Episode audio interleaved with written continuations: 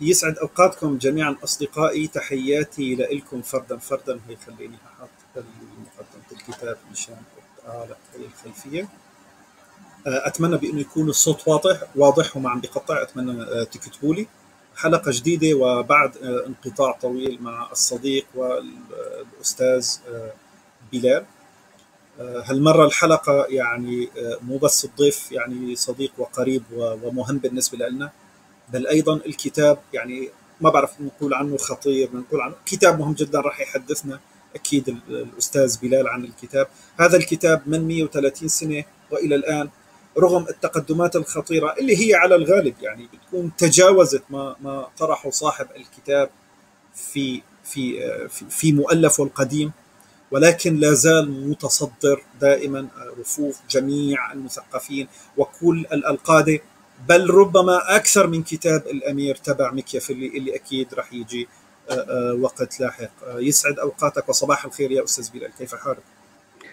آه، تمام. شكرا عزيزي آه، شادي آه، وشكرا على الدعوة. يشرفني الحضور معك هنا ومناقشة فعلا ما قلته كتاب فعلا ممتاز ويعني الأشياء اللي يذكرها تنطبق على الأحداث اللي شفناها في القرن العشرين وإلى الآن يعني هناك كثير من الأمثلة فعلا كتاب يستحق المناقشة والقراءة من كل المثقفين وكل الناس بشكل عام. نعم، طيب نحن معناتها خلينا ناخذ بالوقت وننطلق مباشرة. ما بعرف منين بدك تبدأ بالكتاب بدك تعطي انطباع عام أو تدخل فيه مباشرة براحتك. ماشي. الكتاب طبعا من تأليف جوستاف لوبون وهو مؤلف فرنسي. الكتاب يعني يعطي نظرة علمية يعني علم النفس أو علم الاجتماع على الأحداث التي مرت بها فرنسا من الحرب sorry من الثورة الفرنسية نهاية القرن الثامن عشر إلى القرن العشرين وكيف يعني انقلبت الملكية صارت جمهورية جاء نابليون ومن ثم هزم نابليون ومن ثم رجعت الملكية ومن ثم رجعت جمهورية والثورات اللي حصلت خلال القرن التاسع عشر لفرنسا انتهاء بالنظام الديمقراطي الذي استقر بنهاية القرن التاسع عشر.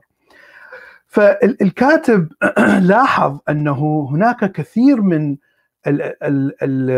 الطرق التي يتبعها القادة في التأثير على الجماهير. ولاحظ أن الجماهير لها خصائص معينة أيضا تسمح بهذه السيطرة ووضع خصائص للجماهير أو الحشود ووضع أيضا خصائص للقاده أنفسهم يعني ما هي خصائص القائد الذي يستطيع أن يؤثر ويعني يقنع الجماهير؟ والفصل الثالث أو الجزء الثالث يتكلم عن الحكومة نفسها ويصورها بأنها أيضا شيء شبيه بال الجماهير أيضا. فمثلا البرلمان الذي ينتخب من الشعب أو الحكومة نفسها الوزراء والرئيس.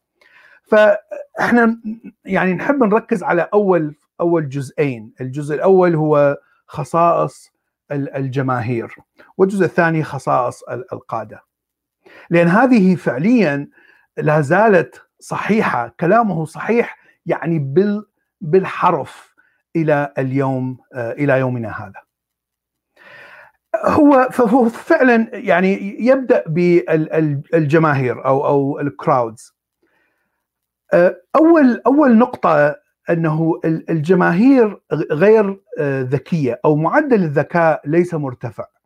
عادة يكون معدل ذكاء الجمهور أو الجماهير يناسب أقل فرد فيناسب ذكاء أقل ذكاء فرد داخل هذا هذه المجموعة.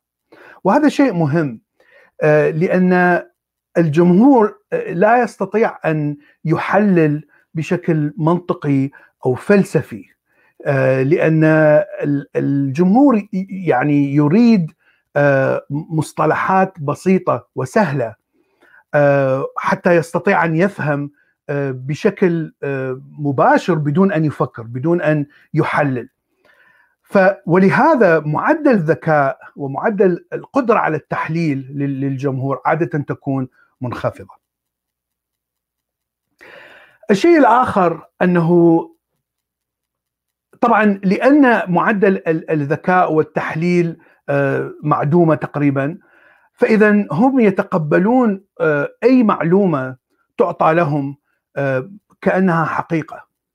فلا يوجد بحث أو شك هنا. فالجمهور ليس لديه قدرة على الشك. فكثير من الأشياء التي تعطى لهم كحقائق تقريبا 90% سوف يأخذون هذه كحقائق. وهذا شيء طبعا يعني خطير جدا لكن هو الشيء الذي يسهل عملية السيطرة على الجمهور. نعم هي هي طبعا أساسا يعني الإنسان بشكل عام يميل إلى الكسل الفكري. لأنه نحن نعرف الأعصاب تستهلك طاقة ضخمة. وهذا السبب أي شيء يقدم حلول سريعة الناس تتقبله مو بس في في حركة يعني مثلا نظريات المؤامرة لأنها تفسير أسهل إنه مثلا نعم. في مؤامرة. بينما شرح مثلا كورونا علميا وأم آر إن اي رسول ومش عارف نعم. هذا كلام معقد. بينما المؤامرة بصراحة هي أسهل يعني. نعم. فما دام بيقول ذراع يعني... مرسي ما دام بيقول ذراع مرسي يبقى صح هن عندهم هيك القضية. يعني مثل ما المثل اللي ذكرته أنا إذا أنا كنت مثلا أخطب في جمهور وأشرح لهم الكورونا لماذا يعني حصل الوباء مثلا. فمثل ما ذكرت إذا بدأت أتكلم عن الفيروس وال وال RNA viruses والعائله الفيروسات التي تخترق يعني الخلية إلى آخرها وكيف نشأت مثلا من الصين. أغلب الجمهور سوف يعني يتوقف عن متابعتي يعني يعتبروه موضوع يا إما صعب المتابعة أو موضوع ممل. لكن إذا قلت لهم أن الصين صنعت هذا الفيروس حتى تهاجم البنية التحتية لبلدنا والصين هم العدو وأحول هذه الفكرة إلى موضوع نظرية مؤامرة سترى الجمهور سوف ينتبه وكأنما الحقيقة يعني فتحت عينهم على حقيقة عظيمة وهي أن فعلا نحن دائما موضع يعني فكرة أنه أنت دائما الضحية. الضحية يا. ففكرة الضحية دائما تعطي استعطاف وتثير المشاعر. وهاي الشيء النقطة الأخرى أن الجمهور دائما يتأثر بالمشاعر. حتى تؤثر على الجمهور يجب أن تثير المشاعر. إذا كان كلامك ليس فيه إثارة للمشاعر فلا فلا تستطيع أن أن تقنعهم بكل الكلام. فدائما تكون إما غضب إما حزن إما فرح إما خوف إما قلق. طبعا الخوف هو من أقوى المشاعر الخوف والغضب والقلق من أقوى المشاعر التي تستطيع أن تؤثر بها على أي جمهور وتستطيع أن تقنعهم بالكلام الذي تقوله. فهذا شيء مهم جدا أن أنك تتكلم بمشاعر. أنا يعني تقريبا عشت هذه المرحلة أو أو هذا الكلام في وقت ترامب. الطريقة التي يؤثر بها ترامب على الجمهور اللي هو المشاعر والحقائق الزائفة. يعني أبسط مثال كان يتكلم عن المهاجرين الذين يأتون من المكسيك ومن أمريكا اللاتينية وكان يصورهم بالمجرمين. فكان يأخذ فعليا مثلا قضايا يعني حصلت. مهاجرين مثلا اغتصبوا نساء أو قتلوا نساء. لكنه يأخذ طبعا 1% من المهاجرين يعني سيكون مجرم. لكن 99% يعني هم لا يرتكبوا أي جرائم. فهو يأخذ الواحد في المئة فقط ويركز على القصص التي تأتي من هذه الواحد في المئة. طبعا ولا يذكر الباقين. ودائما يذكر هذه الجرائم ثم يعمم ويقول كل المهاجرين يعني في في في في وقت معين سوف يرتكبون جرائم. ومن هنا سيثير القلق سيثير الخوف ويثير الغضب. لماذا يعني نسمح بهؤلاء المهاجرين أن يأتوا؟ فاذا وهنا يضع الفكرة التي يريد أن أن يقنع بها المتابعين وهي يجب أن نمنع المهاجرين، يجب أن نضع قوانين تمنع المهاجرين. وهنا طبعا الغرض من هذه الفكرة هي ترامب إنسان عنصري، إنسان فقط يعني يريد أن يحول أمريكا إلى بيضاء إلى جنس أبيض فقط يؤمن بالمسيحي البروتستانت فبالنسبة له أمريكا اللاتينية هم كاثوليك وهم سمر ليسوا بيض. طيب أنا أنا بنتهز الفرصة واتكلم بشكل سريع. أو خليني حتى أنا أعرض لكم الكتاب أنا إيش وراي؟ طيب وهي كتاب سيكولوجيا الجماهير. طبعا الفهرس تفصيلي مثل ما إذا بدكم ترجعوا وهي بترجمة هاشم صالح. راح تلاقوا كلياتكم بالتليجرام وراح أحط لكم هلا رابط قناة التليجرام بعد شوي. راح تشوفوني حطيت لكم كتاب جوستاف لوبون إضافة ل 17 كتاب ثاني لنفس الكاتب. طب هلا اللي حكاه صديقنا نحن بدأنا نحن مقسمين مثل ما هو الكتاب. الكتاب هو عبارة عن ثلاث أجزاء. الجزء الأول بيتكلم عن خصائص الحشود وبعدين عملية التأثير بالحشود اللي هي من خلال الحديث عن القاده والجزء الثالث بيتكلم عن أمور تطبيقية وتاريخية. فالجزء الأول عمال بيوصف جوستاف لوبون الحشود. فبيقول بانه الحشود تتسم بالسطحية. ذكاء الحشود منخفض إلى الحد الأدنى. مش بس منخفض إلى الحد الأدنى. بل إنه هم بتصير مفارقة جميلة بأنه أو غريبة خلينا نقول بأنه نحن عادة لازم نتوافق على المعلومات مشان يصير لها مصداقية. فالتجارب العلمية ليش هيك افضل شيء لأنه ممكن مو بس أنت تعمل التجربة مثلا سيجما يعمل التجربة الفلانية للتحقق بل باليابان بأمريكا كمان بيعيدوا نفس التجربة بيحصلوا على نفس النتائج. أوكي؟ طيب فعادة دائما أو مثلا فكرة فلسفية لما بتوافق عليها العديد من الفلاسفة فبصير لها ثقه بالتوافق المنطق. ليش قواعد المنطق صحيحة؟ لأنه نحن متوافقين على قواعد المنطق أنها فعلا هي طرق تفكير سليم. نحن لما نفكر بالطرق المنطقية المنصوص عليها فعادة بنحصل على توافق مع الطبيعة ومع أنفسنا ومع الآخرين وهيك. يعني. فهي نحن متوافق عليها. ولكن في الجموع الأمر يختلف.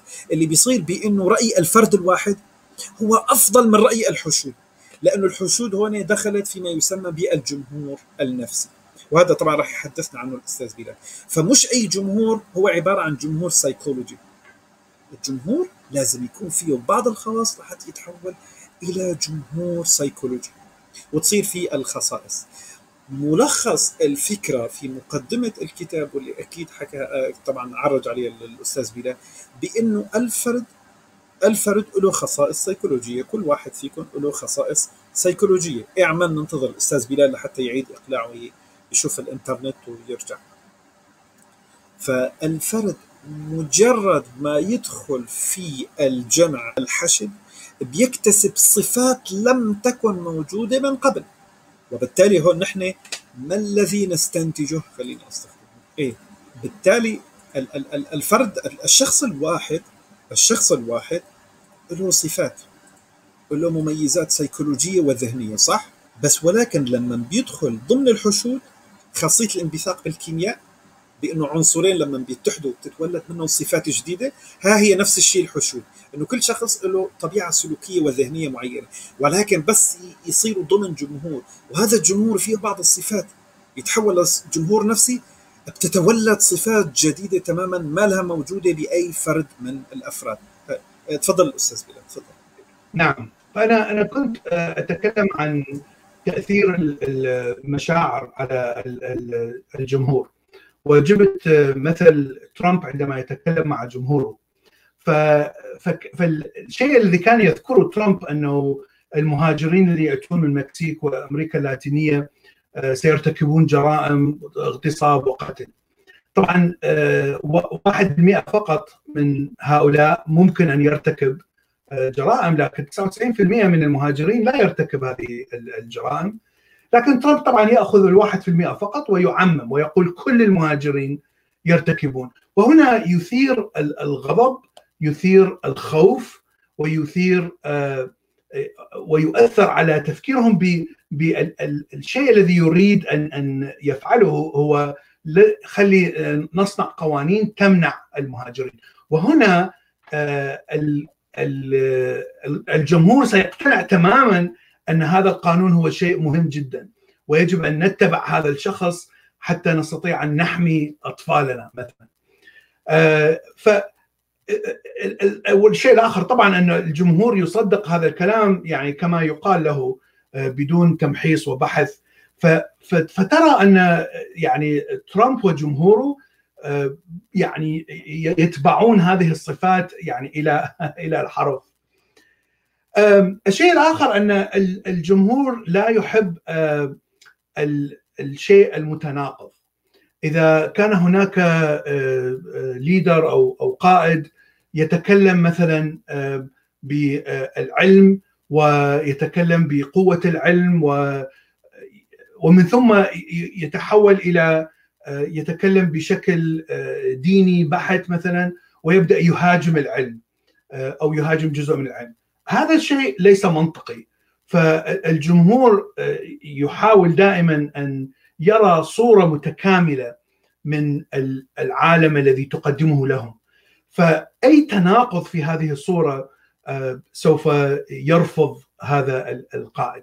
ولهذا ترى أن كل يعني كل القادة الذين أثروا على جمهور معين يأتون بصورة كاملة للعالم الذين الذي يريدون ان ان أن يبنوه ويأتوا بصورة متكاملة للعقائد الأفكار دائما أفكار متكاملة يا إما أفكار يسارية بحتة يا إما أفكار يمينية بحتة أفكار دينية أفكار إلى آخره. وهذا وهذا الشيء الذي نلاحظه موجود طبعا في لكل القادة الذين أثروا على الجماهير. الشيء المشكلة التي تأتي من من طبعا من إقناع الناس بأفكار معينة أنك من السهولة أن تقنعهم بأعمال عنف لأن طبعا المشاعر تثير ممكن مشاعر خاصة مشاعر الغضب ممكن تتحول إلى أعمال عنف. وطبعا المؤلف هنا يربط هذه الفكرة بالثورة الفرنسية وكيف دخلوا على الباستيل وكيف قتلوا محافظ الباستيل. يعني بشكل عشوائي وبدون يعني محكمة وبدون قيود وبدون قانون. لكن طبعا نراها الآن ترامب أفضل مثال في آخر يوم له في البيت الأبيض بعد أن خسر الانتخابات. طبعا كان يقول للمجموعة التي تؤمن به أن الانتخابات سرقت وأنها زورت وطبعا بدون أي دليل لكن الناس يأخذون هذه على شكل حقائق. ويعطي أمثلة يعني حتى حتى يقنع هؤلاء الناس. فمثلا الأمثلة أن كل البالتس أو أوراق الانتخاب التي أتت عن طريق البريد هذه كلها مزورة لأنها سهل تزور انتخاب من البريد لأن لا يوجد يعني لا يوجد بطاقة تعريف للإنسان الذي يبعث هذه الرسائل. فمن هنا يعني اقتنع مجموع من الناس أنه فعلا الانتخابات سرقت وزورت وهناك مؤامرة شديدة من من الحكومة كلها. على على ترامب وعليهم. ففي آخر يوم خطب فيهم وقال يجب أن نغير هذا الشيء بالقوة. يعني إرادة الناس وإرادة الشعب وإلى آخره. من هذا الكلام الخرط. ومن ثم انسحب وترى مجموعة الناس الذين يؤمنون به فعلا دخلوا إلى البيت الأبيض بالأسلحة وحاولوا أن يأخذوا صناديق الاقتراع أعتقد حتى يحرقوها. ففعليا يعني استطاع أن يحول الغضب إلى أعمال عنف وهذا الشيء ليس صعب على الليدر ان ان أو على القائد ان أن يعني يستعمل الجمهور لأعمال عنف. هناك أيضا فكرة أخرى يركز عليها الكتاب أن الجمهور يجب أن يكون متجانس حتى يسهل السيطرة عليه. متجانس بمعنى أنهم كلهم نفس العرق، كلهم نفس الجنس، كلهم نفس الديانة، نفس الأفكار، نفس الطبقة الاقتصادية. إلى آخره يعني إذا كان هناك تجانس فإذا يسهل السيطرة على هذا الجمهور وهي طبعا أيضا نلاحظها في الخطب الدينية مثلا عندما يخطب الخطيب الديني هو يخطب إلى مجموعة كلهم متدينين بنفس الدين بنفس المذهب آه، بنفس الأفكار الدينية فإذا من السهل أن يتكلم بلغة يفهمها الجميع.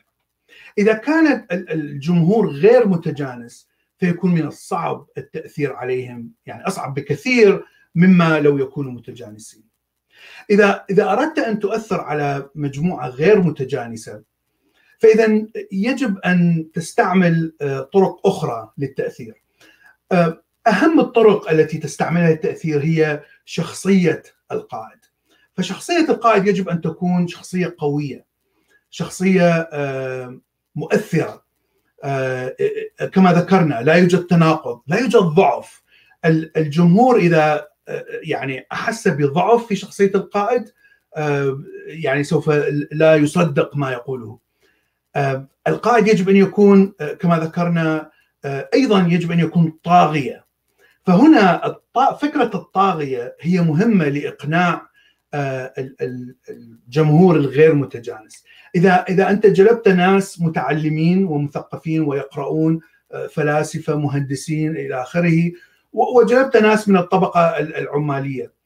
والقائد يتكلم بشكل عام وأفضل أفضل قائد من من من هذه المنطلق هو هتلر لأنه كان يتكلم بكل طبقات الشعب وليس فقط طبقة معينة. فهنا هتلر كان يتكلم بشكل عام عن الاقتصاد الألماني. كيف أن الاقتصاد الألماني يعني تدمر في الحرب العالمية الأولى؟ وكيف انهزمت ألمانيا وكيف كبرياء ألمانيا انكسر وكيف أن الإنسان الألماني متعلم ويفهم وأذكى من كل باقي الشعوب الأوروبية وشعوب العالم. وكيف أن ألمانيا نهضت مرة أخرى بسبب وجود السياسات النازية. فإذا هنا هو لا يتكلم يعني بلغة طبقة معينة إنما يتكلم بلغة كل الطبقات. هو هو هو, هو, هو الأمر ربما منطقي صديقي. يعني أنت لما بدك تحاور الناس إذا كانوا مختلطين فكل واحد له أسلوبه في الاقتناع. كل واحد له تيار فكري له بارادايم له نسق. وبالتالي صعب إنك أنت تجمعهم أما فقط لما بيكونوا متحدين بفكرة مثلا أنا أمام جمهور مثلا آه، شيعي.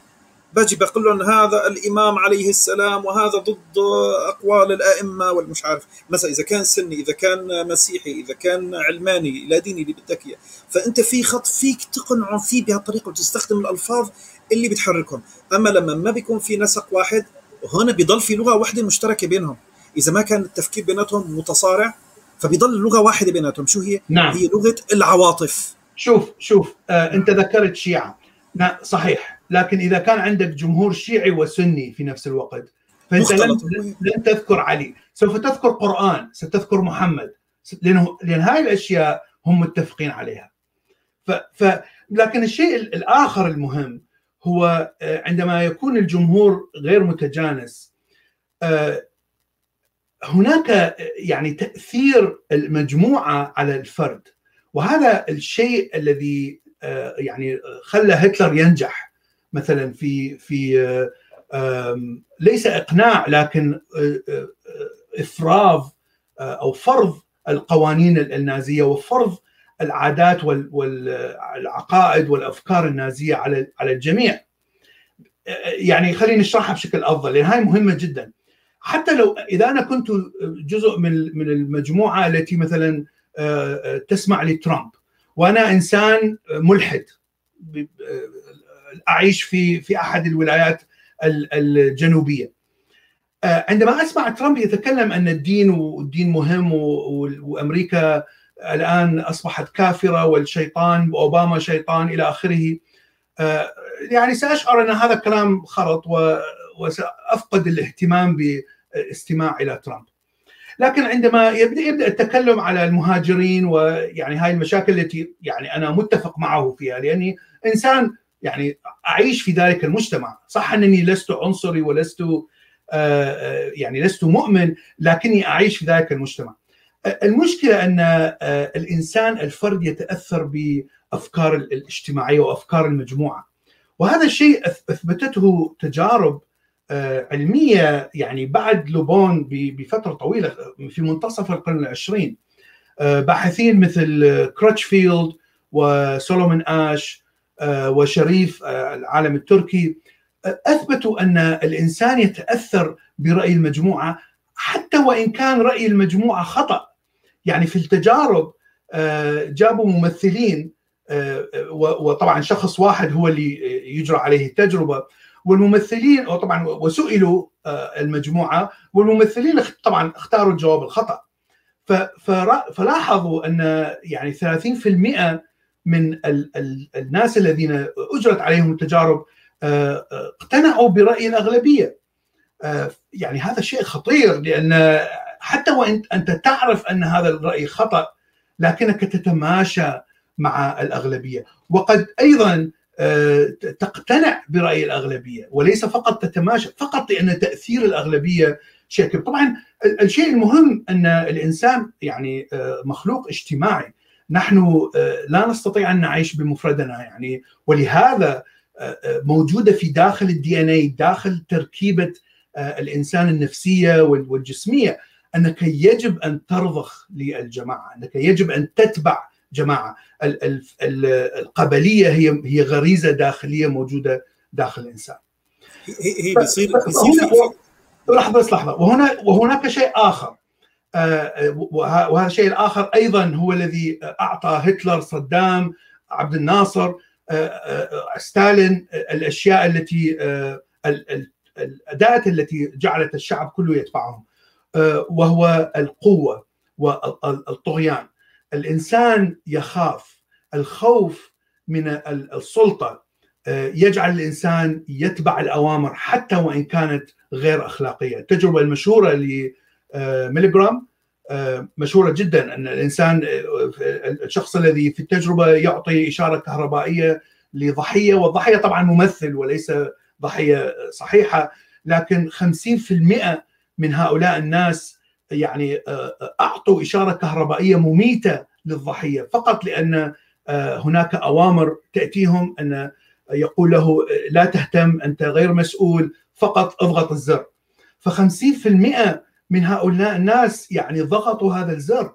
وهذا يفسر لماذا الجمهور الغير متجانس ممكن أن يتبع القائد.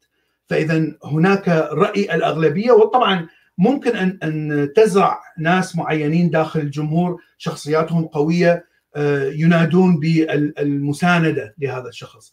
وهنا الشخصية القوية داخل الجمهور عادة تطغي. وتعطي وتفرض هذا الرأي وترى الجمهور كله يتبع رأي الشخصية القوية داخل الجمهور.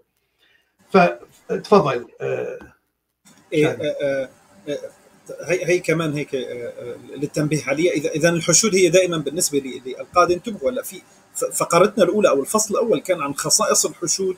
بعدين الآن في وسائل التعامل مع هذه الحشود اللي قلنا بأنها سطحية وبأنها لا تميل للتفكير واصلا غير مهيئة لعملية التقييم يعني.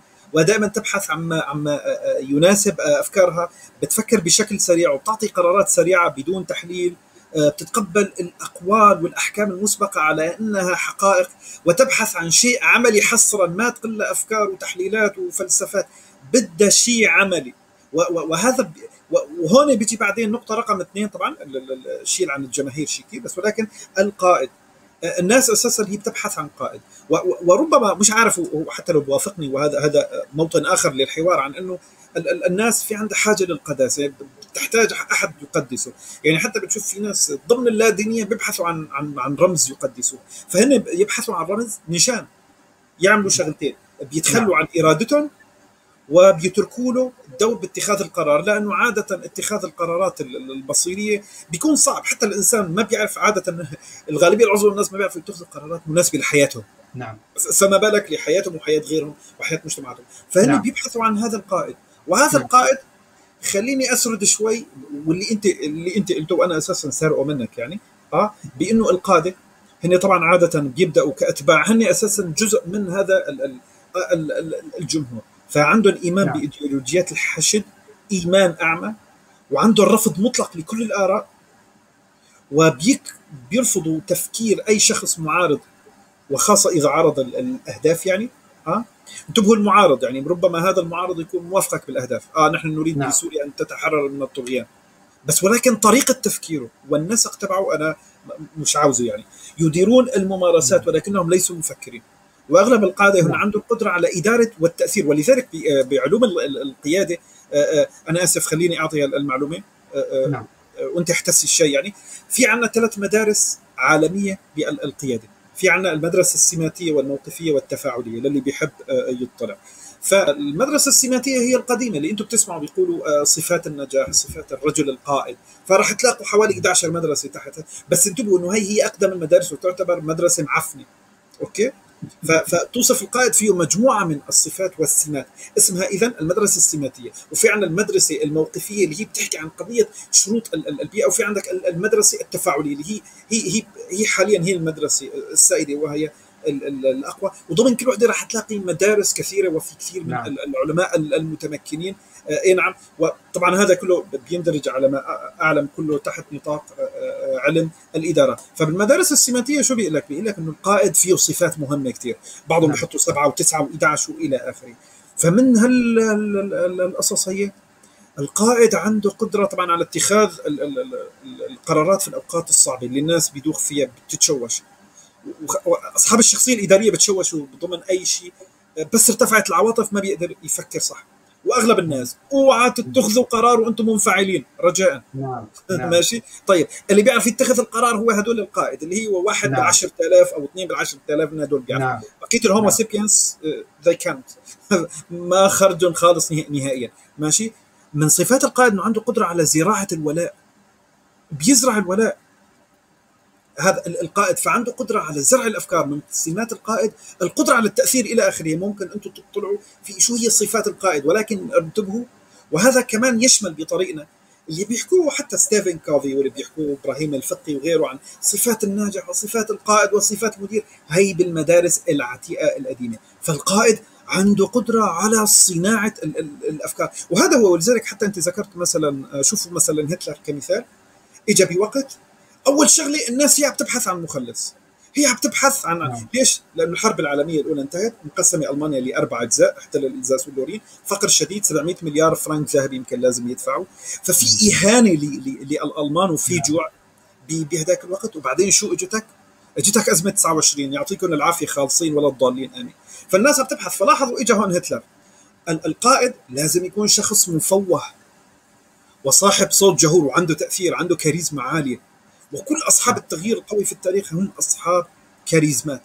وهتلر كمان استخدم كلمة بتجمع كل الألمان. جزء من القليلين اللي بيعرفوها. مثلا لودندروف ما بعرف إذا حدا متذكر. هذا اسم قائد أسطوري من قادات الألمان الكبار في الحرب العالمية الأولى. كان محبوب عند كل الألمان فكان يغزل عليه. كان يغزل عليه ويسوي هذا البطل المغوار كان يمدحه لأنه الناس بتحبه. ترى نفس الشيء هلأ اللي بيمدح بيمدح النبي وبيمدح القرآن وبيمدح ليش؟ مشان يكسب تأييد الناس بيمدح شغلة مثل ما قال الأستاذ بلال إذا كان نعم. في شيعة وسنه امدح القرآن. امدح شغلة مجتمعين عليها. نعم نعم. فالقائد بيعرف يدير ولكنه ليس مفكر. بالعكس تماما. نادرا ما يكون في قائد عنده علم بالتفاصيل إلا بحالات نادرة مثل عزرا ويزمان رئيس إسرائيل. هو كيميائي وطالما أنه كيميائي فطبيعي يكون عبقري يعني. القائد كمان عنده استعداد للتضحية. يعني هو شخص جبان. نعم نعم. افكار ولازم في أحد الشروط ربما يكون لازم يكون قاسي مستبد ليقدر ينشئ نعم. روح الزماله أو الروح الجماعية. وعلى فكرة هذا بيستخدموه حتى بالعسكرية. أحيانا مشان تقوية العلاقات فبيعملوا ضغوط على الجماعة وهذا بتدرسوه اي جماعة. إذا بمارس نعم. بيصير في لها سلوكيات معينة منها إنه بيصير في اتحاد بيناتهم وشبه إلغاء بين التمايز. وهذا بسوى أيضا في الخدمات في الجيوش. في كل دول العالم من أنظمة الجيوش إلغاء التمايز بيخلي الكل يحلق على الصفر الكل يحلق دقنه اللباس نعم. حد بلا بلا بلا هاي من الأساليب النفسية ممكن تدرسوها حتى بعلم النفس العسكري وأخطر نعم. كما قال الأستاذ بلال الخوف هو أقوى دافع للطاعة القائد لازم يعرف يخوف الناس ويعرف ايمتى نعم. يخوفهم لأنه نعم. أكبر محرك للدوافع البشرية وحتى في علم الاقتصاد هذا صار قاعدة هي إنشاء الخوف في قلوب الناس معرفة مخاطبة عواطف الناس.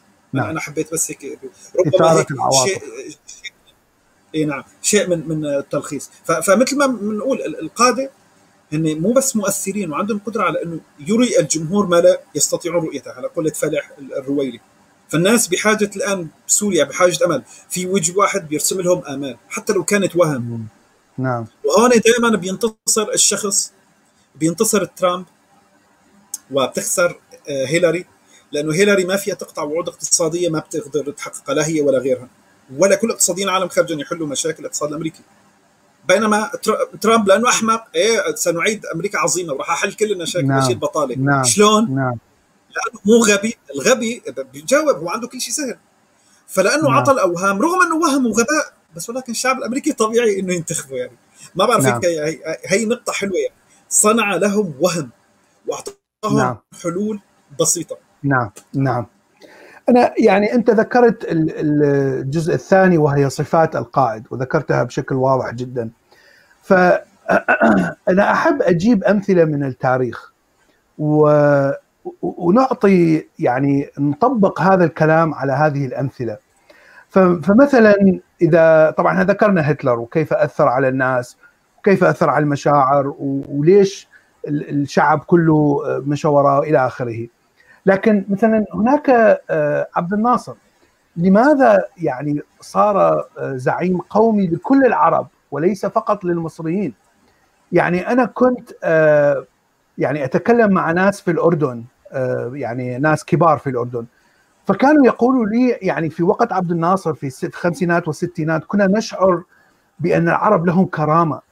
بأننا يعني لدينا وجود في العالم وجود قوي في العالم من أين جاء هذا هذه المشاعر؟ يعني مصر كانت دولة بس يعني صغيرة ليست دولة قوية وليس ولا تمتلك سلاح نووي إلى آخره. عبد الناصر يعني كان ذكي استعمل آه، الحلف مع آه، الروس أو السوفيت في حل مشكلة آه، قناة السويس. فأول شيء فعله عندما يعني بعد أن أخذ الحكم من الانقلاب.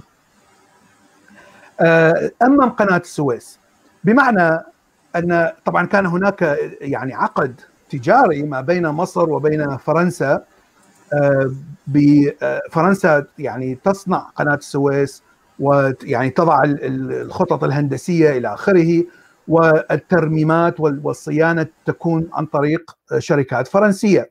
وهناك آه، دخل معين يذهب إلى هذه الشركات طبعا فرنسا ليس حكومة كلها شركات خاصة آه، فالمبالغ اللي تأتي من من قناة السويس جزء منها يذهب إلى فرنسا. إنجلترا كانت اشترت كثير من الاسهم من هذه الشركة، طبعا شركة مربحة آه، قناة السويس فإنجلترا أيضا كانت يعني مشتركة بأسهم ولها أعمال كثير في هذه الشيء.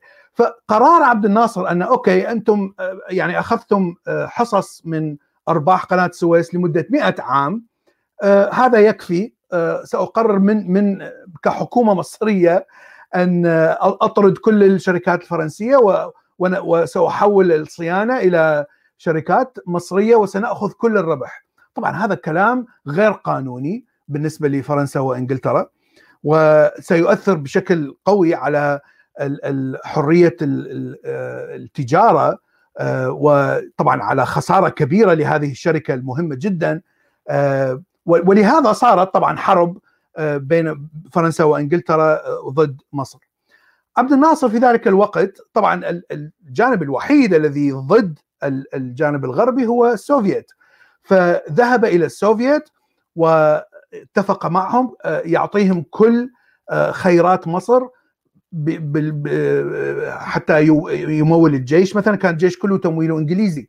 فصار الجيش تمويله روسي أو سوفيت الصيانة قناة السويس تصبح كلها سوفيت كل شيء يتحول إلى آه، تقنية سوفيتية آه، آه، بدل التقنية الإنجليزية. السوفيت وافقوا على هذا الكلام وطبعا بالقوة وقفوا الاعتداء. فرنسا وانجلترا على مصر. هذا الشيء حصل يعني خلال فترة قصيرة نسبيا. لكن عبد الناصر آه، يعني استعمل هذه الأحداث وخرج منها على أنه البطل العظيم الذي انتصر على إنجلترا وفرنسا. طبعا هو لم ينتصر على إنجلترا السوفيت هم الذين انتصروا. وأنت فعليا الخيرات التي كانت تذهب إلى فرنسا وإنجلترا صارت تذهب إلى الاتحاد السوفيتي. يعني لا يوجد شيء مجانا. الاتحاد السوفيتي لن يساعدك يعني ببلاش. يجب أن تدفع الثمن. وهنا عبد الناصر دفع الثمن. تقريبا الجيش المصري كله صار روسي أسلحة روسية. اذا لكن أخذ من هذه استعمل هذه الحركة السياسية. وطبعا حركة سياسية بارعة لأنه فعليا استطاع أن يحرر قناة السويس وأصبح إيراد قناة السويس كله للحكومة المصرية. لكنه استعملها حتى يجعل نفسه بطل قومي. وهنا أنت ذكرت القائد يجب أن يكون مواقف يأتي من مواقف. وهذا هو الموقف العظيم الذي وقفه عبد الناصر طبعا بسياسة. لكنه استمر هذا الموقف طبعا إلى الستينات وإلى الهزيمة مع إسرائيل. فهنا يعني خلال هذه الفترة خلال ال 15 سنة كان عبد الناصر رمز للبطولة والقوة والسياسة والحنكة لأنه استعمل هذا الموقف. وهذا هو يعني تعريف القائد تعريف القائد الذكي الذي يستطيع أن أن يعني يستعمل الحوادث السياسية إلى إلى جانبه. صدام مثلا فعل تقريبا نفس الشيء لكن صدام لم يكن محبوب من الشعب. كان يعني يعني كان الشعب يمقت هذا الإنسان. يعني فقط التكريت مثلا فقط العشائر التي الذين كانوا مستفادين منه كانوا يحبونه بإخلاص. لكن حبهم ليس يعني يعني حب مشاعري ولكن فقط لأنهم يستفادوا للأموال. كان يعطيهم أموال كثيرة. فكان إنسان مقيت لكن بالخوف كانوا الناس يعني يتبعونه لأنهم خائفون. فكانت يعني دولة مخابراتية الشعب نصه من نصفه نصف الشعب بالمخابرات كانوا. فصدام كان وضعه يعني مختلف بشكل عام عن عن كيف يسيطر على الجماهير. ولهذا عندما يعني سقط صدام يعني تقريبا انتهى تأثيره تماما. لا تلاحظ هناك أي تأثير لا تلاحظ يعني فقط جزء من من السنة سامراء أو تكريت أو الموصل كانوا يعني لا زالوا يعني يحبونه. الشيء الذي نراه في العراق في ذلك الوقت مثلا كان الصدر وهو كان يعني شيخ شيعي كبير أعتقد آية الله كان كان تأثيره على الجمهور الشيعي قوي جدا. فاستطاع أن يؤلب هؤلاء الشيعة حتى حتى يعني ينفذوا انقلاب على صدام. أتصور في 82 من الصعب أن تؤثر على ناس في ظل حكومة يعني بوليسية حكومة مخابراتية حكومة قاسية جدا. يعني صعب جدا أن تقنع الناس أن تنهض ضد هذه الحكومة. لكن الصدر استطاع أن يفعل هذا الشيء لأنه كان أيضا يعني كل هذه الصفات القائد كلها كانت موجودة فيه. طبعا الانقلاب فشل نحن نعرف أن صدام بقى في الحكم. لكن مثلا الخميني أيضا يعني مثال آخر. المثال الذي يأتي من من من الباب الديني فقط ويؤلب الجماهير ضد طبعا كان إيران كانت كل التركيز على إسرائيل وتحرير القدس. وكيف أن أمريكا تساعد إسرائيل وكيف أن إسرائيل اغتصبت مسجد الأقصى. وإلى آخره، هذا الكلام المشاعر يثير مشاعر الغضب والعنف وإلى آخره هو الذي دائما كان يعني يتكلم به الخميني. وطبعا رفضوا المعاهدات مع أمريكا وتحولت المعاهدات مع روسيا. لكن السياسة الخارجية يعني لم تتغير بشكل جذري لأنك فعليا يعني تركت حليف قوي وانتقلت إلى حليف آخر قوي لكن الناس مشاعر الناس كانت معك. يعني كانت دائما كان كان شخصية محبوبة الخميني. يعني صدق أو لا تصدق. مع أنه فعليا دمر اقتصاد إيران بشكل كبير. ويعني في عهد خميني كان الملالي والشيوخ يسرقون من الأموال النفط يعني بشكل هائل. والفقر انتشر بشكل كبير في إيران. وحتى الجهل يعني الثقافة العامة بدأت تهبط بشكل كبير وينتشر الجهل والأفكار الاجتماعية البالية القديمة التي لا تعتمد على العلم. وهذا الشيء يعني رأيناه بالعراق أيضا بعد يعني سقوط صدام حتى من قبل سقوط صدام. يعني صدام تحول إلى الدين وأيضا بدأ ينشر الأفكار الخرافية ويعني بدأت لكن كان هناك طبقة مثقفة علمية لكن بعد ما انتهى صدام تقريبا الطبقه المثقفه كثير منهم هاجروا. الطبقة الحاكمة أصبحت طبقة جاهلة تماما. فنفس الشيء يعني صار بالعراق. وهنا السيطرة على الشعب هو دائما أيضا من خلال الخوف من خلال العنف. إسرائيل دائما إسرائيل تحتل المسجد الأقصى. يجب أن نحرر. لكن من الطبيعي أن إيران مستحيل أن تذهب بحرب مع أمريكا أو بحرب مع إسرائيل. لا يمكن لأن إيران يعني الحكام الإيرانيين أذكياء ليسوا أغبياء مثل صدام. فهم يعني لم يدخلوا في أي حرب. كله كلام فقط. كانوا يعني يمدون الأسلحة لحماس ولحزب الله ولآخره. يعني صح يمدون الأسلحة التي تضرب إسرائيل لكن كدولة لا يمكن أن يحاربوا إسرائيل أو أمريكا لأنهم يعرفوا أنهم سينتهون ستسقط الحكومة إذا إذا حصل هذا. فإذا هو فقط كلام حتى أقنع الناس أن حتى يعني أخذ اقتناعهم بأني القائد الصحيح وحتى يتبعوني إلى الموت. وهذا فعلا يعني حتى نراه في الحرب العراقية الإيرانية. الشعب الإيراني أو الجيش الإيراني يعني كان متعطش للحرب لأنه كان يريد أن يذهب إلى الجنة. فترى بالايرانيين الجنود ليس كل طبعا لكن هناك كثير منهم يحملون شيء اسمه مفتاح الجنة. فيه آية من القرآن وسورة علي وإلى آخره. فهو يتمنى أن يموت بينما الجانب العراقي أغلبية الناس لا يريدوا أن يحاربوا لأنهم يعني ليسوا مخدوعين بهذا الكلام لأنهم يحاربون أو أو يعني أقيدوا إلى الحرب من الخوف فقط من الخوف لأنهم يعني سوف يعدمون أو أو سوف يعني يتأذى عائلتهم تتأذى. فصدام لم يكن يعني قائد يلهم الجماهير لكن الخميني كان قائد يلهم الجماهير. وهذا نرى الفرق ما بين الشعبين خاصة في الحرب العراقية الإيرانية. نعم هو في سؤال انسال عن الربيع العربي بأنه ليش ما نجح. هلا أظن نحن أفكار الكتاب الرئيسية يعني نحن تحدثنا فيها ولو أنه ممكن نحن نخوض تفاصيل نجيب بعض الأمثلة ونتكلم عنها بس ولكن أنت يعني حتى من خلال تلخيصك والتلخيص طبعا الأستاذ بلال قرأ الكتاب بنسخته الإنجليزية وهي شغلة كثير كويسة والكتاب لغته الأصلية الفرنسي. إي نعم. فكتبه بالإنجليزي والملخص الكامل موجود باللغة الإنجليزية بوصف الفيديو.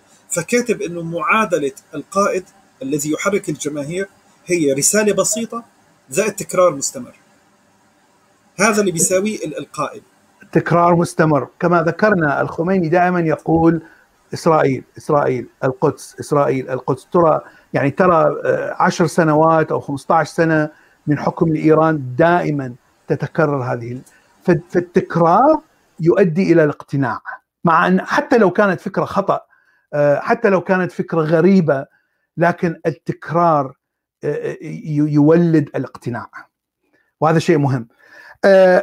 الربيع العربي يعني يعني ممكن نأخذ دولة معينة لأنه يعني يعني يختلف باختلاف الدولة واختلاف الشعب. إذا أخذنا مصر مثلا يعني الانقلاب يعني نجح إلى إلى درجة كبيرة والحكومة أسقطت وتحول نظام الحكم إلى نظام ديمقراطي. ويعني بدات بدأوا بكتابة دستور والدستور كان دستور جيد ليس سيء. ويتيح حرية الأحزاب حرية الرأي حرية الصحافة. وهذا شيء مهم جدا طبعا لم يكن متوفر بالحكومة السابقة. و لكن المشكلة أن أغلبية الشعب كان متدين أو 99% متدين.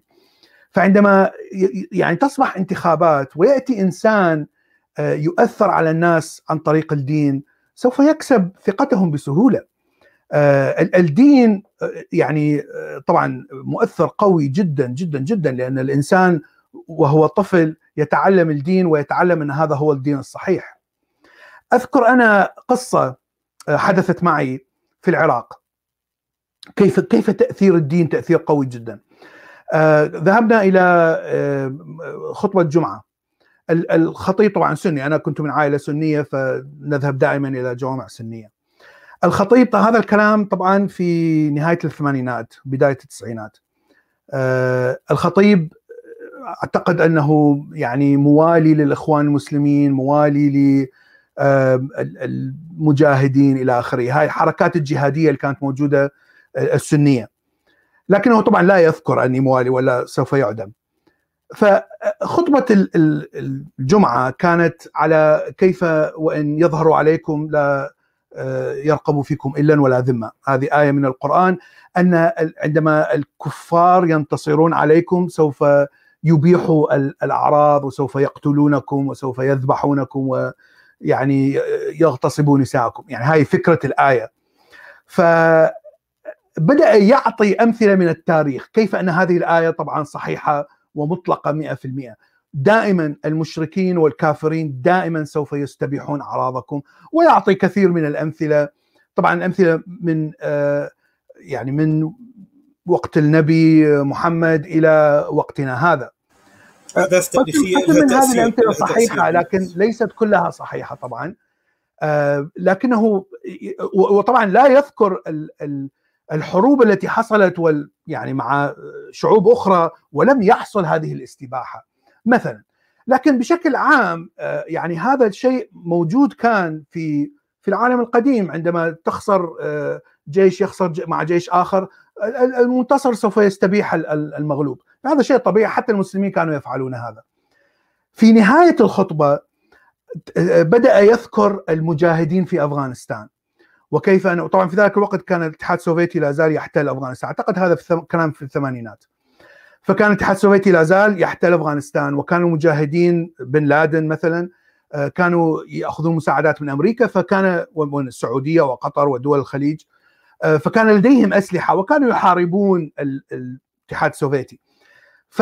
فبدأ يسترسل ب يعني بخطابة وشخصية فنية عظيمة وبدأ يعني يدعو أنهم ينتصرون وكيف أن الاتحاد السوفيتي يستبيح الأعراض وكيف أنهم يعني يقتلون الأطفال ويبقرون بطون الحوامل وإلى آخره بحيث بدأ الناس يبكون في في في الجامع فانا أنظر حولي ماذا يحدث؟ لماذا يبكي هؤلاء؟ يعني كان الشيء غريب جدا. أول مرة أرى خطيب يؤثر على الناس بهذا التأثير لكنه فقط كلام لأننا لا نستطيع أن نفعل أي شيء. يعني لا يوجد هل شيء هل ربما ربما انت أنت يعني بتتذكر تجربة القرود والموز؟ هلا هدول عمال بيبكوا. آه نعم. أنت لما بتولد وأنت صغير نعم. بتصير بعدين بتتماهى. واللي بيبكي أكثر وبيتأثر أكثر بيكون له كمان شحنة عاطفية عند الناس بيحبوه إنه هذا نياله هذا نعم. بيخشع أكثر فبيصير الكل بي بيصير بيتشبه يعني ممكن تلاقي حتى شخص فاسق بالتعبير الديني هو ما ما بيطبق كل هالشغلات بس بيعتبر إنه هدول لكن أحسن. هدول نعم. إيش نعم. نعم. هذا الشيء مزروع فيه مثل تجربة نعم. القرود وهي وقت اللي كان يسحب نعم. القرد نعم بعدين نعم. نعم. يجي القرد الثاني يمنع الآخرين إنه يسحب الموز مشان ما ينكب عليهم أو ما كان يعرفوا إنه في مي باردة أساسا عم يكب عليهم نعم. نعم خلص نشأ جيل عمال بي ليس الا فقط يكرر ما تعلمه من ال- ال- الباقين فهذا التأثير العميق القوي الذي يجعل آه، خطيب يعني يؤثر على المشاعر بهذه القوة ويجعل الجميع يبكون وحتى تسمع عويل عويل الرجال. يعني يعني هذه تجربة لن أنساها ابدا. آه، وهنا يعني أدركت تأثير يعني بالضبط ما يقوله الكتاب. كيف تثير المشاعر؟ كيف تأتي إلى شيء معين أو أو أو أو فكرة معينة مؤثرة جدا؟ ومن هنا تبدأ ب يعني سرد قصص وسرد تفاصيل قد صحيحة وقد لا تكون صحيحة. لا أحد من من الموجودين في في في المسجد يستطيع أن يثبت هذا الكلام. لا أحد يص... يعني كلهم مثلا كله شهود عيان مثلا. شخص قال لي عن شخص عن شخص عن شخص. آه لا يوجد إنترنت لا يوجد آه أخبار. يعني في العراق لم يكن هناك آه أخبار. كنا نسمع فقط مونتي كارلو عن طريق الراديو. كان كان سيطرة تامة من من الحكومة على كل أجهزة الإعلام. فلم تكن يعني آه آه لم تكن هناك حرية تلقي معلومات. فلا يمكن ان نتأكد من هذا الكلام. لكن الكل أخذ هذا الكلام على أنه حقيقة.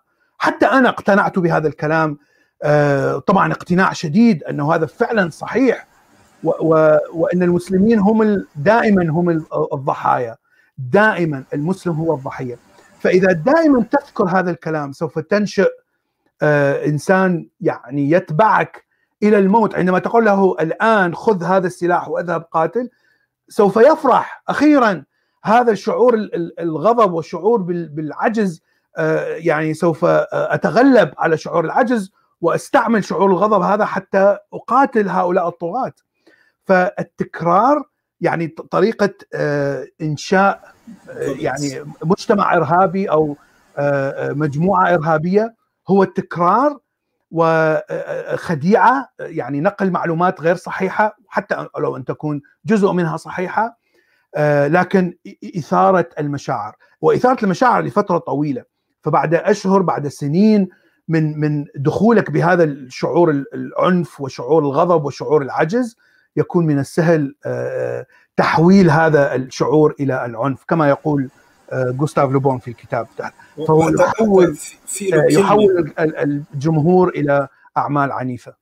هو له كلمة حلوة بيقول الإشاعة الإشاعة أقوى من الحقيقة. بكتاب نفسه بيقول الإشاعة أقوى من الحقيقة. نعم وحتى يعني في كمان على قولة كمان فالح رويلي هو كمان دكتور علم نفس اجتماعي الخيال أكبر من الحقيقة. ويقول لك دائما بأنه الجمهور هل يمكن مخاطبة الجمهور عقلانيا؟ الجواب لا يمكن. ولكن بشرط واحد. نعم. بشرط واحد إنه تكون الفكرة بسيطة نعم. تكون موافقة لأفكار لأفكار الباطنية الموجودة. نعم. إيه؟ نعم. هلا كنا كنا نحن أولي لما لما يعني ندرس بأيام الدعوة ولازم هيك شي مرة نعمل سهرات ونحلل هالأمور يعني هيك. نتكلم بتاريخنا محاولة إقناع الناس وتطبيقاتها يعني أو يعني النظريات اللي وراءها يعني. فكنت نعم. دائما أقول لهم انه إنه في خمس قواعد لأي خطاب بدك تقدمه للناس. حتى لو كانت الجملة مؤلفة من كلمتين. إنه لازم تكون عامة عامة مباشرة. يعني ما فيها تفاصيل ما فيها كذا تكون سهلة عامة. تكون بسيطة. تكون عاطفية فيها شحنة عاطفية. وتكون عملية لأنه الجماهير ما بتنتظر شيء تفكير ويبذل جهد بده شيء عملي مباشر يعني. وفي وإنه تكون توافق آرائهم ما تكون تخالف آرائهم وإنه تكون فيها توكيدات توكيدات كثيرة وايمان نعم. وأحلاف وقصص وهيك. هي هي, هي الطرق أنت بتقدر من خلالها إنك تقنع الجماهير. ولذلك لاحظ ترامب ترامب ما في عنده تردد مثل هيلاري. هيلاري نعم. مثلا عارفة مشاكل أمريكا بأنه نعم مشاكل الاقتصاد ولا في 10000 اقتصادي في العالم بيقدروا أساسا يطلعوا حل للعالم عملة موحدة أو شغلة ما بيعرفوا عرفت كيف؟ ما حدا بيعرف شلون نحن ممكن نخلص من المشاكل الاقتصادية والتضخمات اللي بتيجي كل سنتين وكل 11 وكل 70 سنة ربما بتيجي ما ما في لها حل. فهيلاري لما بيجوا بيسألوها وحتى بالوقت اللي اجى عفوا هي هذيك هيلاري كلينتون هي بزماناتها لما إجت مع جوزها عملت محاضرة يمكن بجامعة كاليفورنيا يعني بجامعه العلوم السياسية محمد درست هي يعني. وجيت قالت له قالوا له شو جايبين إصلاحات؟ قال جبت لكم 39 ضريبة جديدة. وكلها على الطبقة المتوسطة ما في شيء على الاغنياء يعني.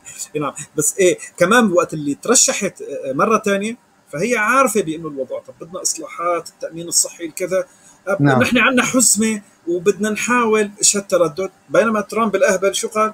آه, آه قال سنعيد أمريكا عظيمة.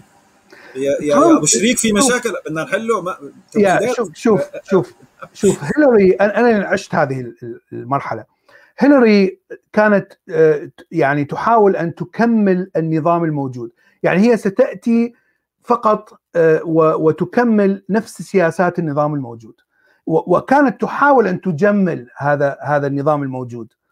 النظام الذي جمهوري عفوا النظام الديمقراطي Democratic Party أو حزب الديمقراطي. الناس الذين كان ترامب يعني يتكلم معهم هم الناس الذين خسروا في في هذا النظام الاقتصادي الجديد لأمريكا. مثلا الناس الذين يعملون في مناجم الفحم. طبعا مناجم الفحم يعني أوباما كان ينظر إلى المستقبل. يجب أن أن نتخلى عن الفحم كوقود ونتحول إلى الطاقة النظيفة. فهذا مثال لكن ترامب كان يأخذ كل هذه الشعوب كل هذه الطبقات ويبيع لهم الوهم كما قلت. الشيء الآخر الولايات الجنوبية والوسط يعني ناس عنصريين يكرهون الأجانب يكرهون المكسيكيين يكرهون العرب حتى يكرهون اليهود. فهؤلاء كان يخاطبهم بشكل مباشر عن طريق قصص الرعب الذي يقولها عن على المهاجرين. فبدأ يكتسب عطفهم ويكتسب الولاء. فكل طبقة معينة كان ترامب يخاطب الشيء الذي يعني الشيء الذي لا يستطيع النظام الحالي علاجه. فكان يقول هيلاري سوف تبقي المهاجرين يأتون إلى هنا. هيلاري سوف تغلق كل المناجم الفحم وتترككم بلا بلا عمل. فهذا الشيء الذي كان يبيعه سلاح الخوف سلاح الخوف. الخوف. الترغيب والترهيب وأيضا يعني كان يخاطب عدة طبقات ليس فقط طبقة واحدة. فبالنهاية كان يقول أنا ساجب لكم نظام جديد. النظام القديم بالي ولا يعمل. ورأيتم كيف أنه لا يعمل. رأيتم كيف أننا في وقت أوباما خسرنا طبعا هو كلام كله خطأ. يعني وقت أوباما كان هناك مشاكل لكن الدخل القومي كان أفضل بكثير من من من وقت بوش قبل أوباما. لكن كلامه يعني يخبط الحقيقة ويخبط بكذب ويعني يخلطها في في في صلصة جميلة جدا يبيعها للناس. لكن طبعا شخصيته كانت مثل ما قلت تطابق تماما ما يقوله الكتاب. إنسان شخصية قوية يتكلم بثقة عالية لا يتردد لا يقول مثلا لا هذه هذا هذا مثلا هذا الكلام قلته لم يكن صحيح. لا يمكن أن ينكر أي كذبه قالها. دائما يكذب ويقول هذا هذا صحيح. وإذا يعني اعترض عليه شخص يقول له أنت كاذب أنت تحاول أن أن تحارب أمريكا أنت سوف يتحول إلى الاتهام سيتحول إلى الهجوم. على على المعارضين. فبالضبط مثل ما يقول جوستاف لوبون في الكتاب. نعم هو هو في أسئلة كثير عمال بتسأل عن الأديان سواء مؤسسي الأديان الأوائل. وبظن ممكن نحن نعرج هيك ونختم بهالنقطة. هل هل نعم. هل لو بدنا نطبق هالأفكار هل هل كان مثلا الجماعات الدينية أو يعني مؤسسي الأديان عفوا الأنبياء اللي زعموا النبوة وغيرهم نعم. أو حتى رجال الدين من بعدهم هل هن كمان على نفس هالخطى؟ طبعا الكتاب يذكر هذا الشيء ويقول أن محمد القديس بولس طبعا لا يعتبر عيسى أو المسيح قائد لأنه لم يؤثر يعني اثر فقط على 12 شخص لكن القديس بولس هو الذي نشر المسيحية بشكل يعني بشكل كبير فيعتبر محمد قديس بولس سيدهارتا بوذا إلى آخره من ال من ال الأنبياء. يعتبرهم من نفس نوع القادة الذين يؤثرون على الناس. لكنه لا لا طبعا يقول أنه هؤلاء الناس لم يكذبوا مثلا.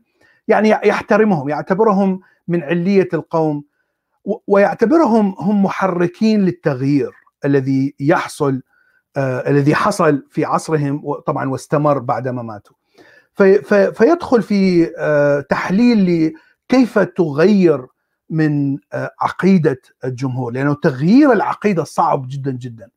فيقول كثير من المفكرين والرؤساء إلى آخره حاولوا أن يغيروا من عقائد الناس وقد يعني غيروا وقد استطاعوا أن يغيروا في وقت معين لكنهم يعني بعد أن ماتوا مثلا انتهى هذا التغيير وعاد الناس إلى الحالة السابقة. فمثلا يعني الاتحاد السوفيتي أفضل مثال يعني لينين أتى بالماركسية والشيوعية وحاول أن يبني يعني جنة في الأرض. طبعا الجنة فشلت لأن فعليا الاقتصاد فشل تماما الاقتصاد الشيوعي. ويعني لينين لم يبقى في الحكم فترة طويلة عندما أتى ستالين بدأ يحكم بالقوة وتحول يعني لينين كان قائد محبوب جدا من من يعني الشعب وكان محترم جدا من حتى من كل المفكرين ورؤساء العالم. لكن ستالين كان شخص دموي فحول ولاء الشعب إلى خوف وولاء فقط للعقيدة الشيوعية وليس ولاء للقائد لكن طبعا عندما انهار الاتحاد السوفيتي يعني تماما يعني بدأت هذه الأفكار تزول وعاد الناس إلى الأفكار الرأسمالية وحتى الأفكار الدينية يعني عادت الكنيسة الأرثوذكسية الروسية يعني إلى القوة السابقة التي كانت لها يعني قوة شديدة قبل قبل لينين. نفس الشيء الثورة الفرنسية عندما أتت يعني تقريبا قضت على كل ال ال ال الكاثوليك القصص الكاثوليك أو الزعماء الكاثوليك الذي كانوا مع الملكية. لكن طبعا الكاثوليكية عادت إلى فرنسا يعني لم تموت تماما. فهو يذكر أن عملية التغيير ليست سهلة ولا تحدث إلا يعني مكانات يعني في في أوقات قليلة جدا على مر التاريخ. ويذكر هؤلاء قديس بولس ومحمد سيدهارتا بوذا هؤلاء استطاعوا أن يغيروا وبقي التغيير موجود. يعني وهو حاول أن أن يحلل لأن تغييرهم لم يأتي يعني لم يأتي عن عن طريق أكاذيب مثلا أو لم يأتي عن طريق وكانوا مفكرين يعني بشكل تحليلي يعني كانوا لم يكونوا مثل القادة أفكارهم سطحية وفقط لديهم أهداف يريدوا أن ينفذونها ويعني يريدوا أن ينفذونها بأي وسيلة. يعني لم تكن عندهم غاية تبرر وسيلة مثلا وكانوا لديهم فكر ووعي وإلى آخره. طبعا يعني أنا لا أتفق 100% مع هذا الكلام لأن كل إنسان يعني محمد له سيرة وله تحليل نفسي يختلف عن بوذا يختلف عن قديس بولس.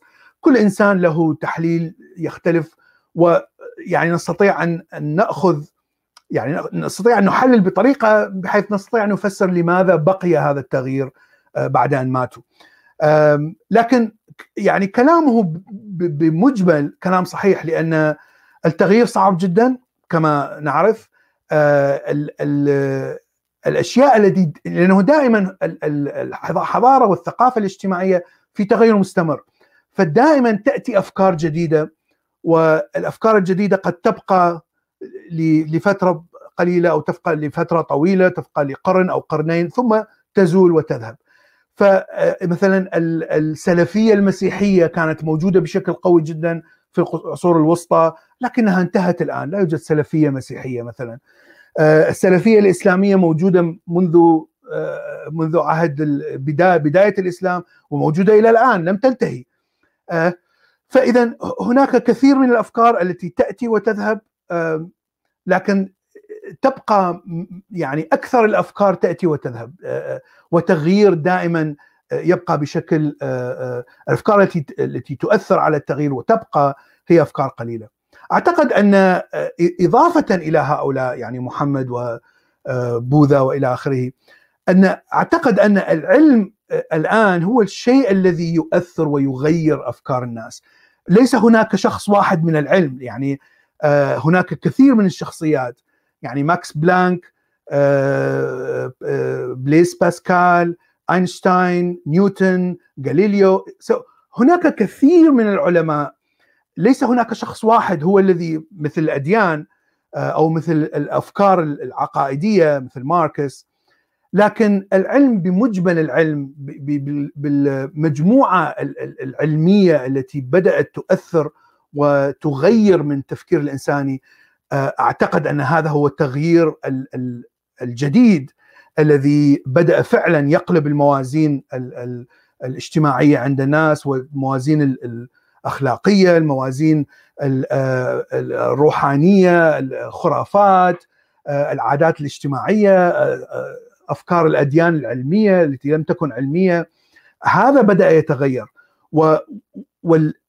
والتغيير العلمي يستمر لأننا فعليا لا زلنا لأنه مجتمع علمي وليس شخص واحد. فإذا مات هذا الشخص لا يعني أنها انتهت لأنه كل ما يأتي تأتي فكرة علمية جديدة آه، أو تثبت فكرة علمية بالتجربة تبدأ بتغيير آخر لعقول الناس.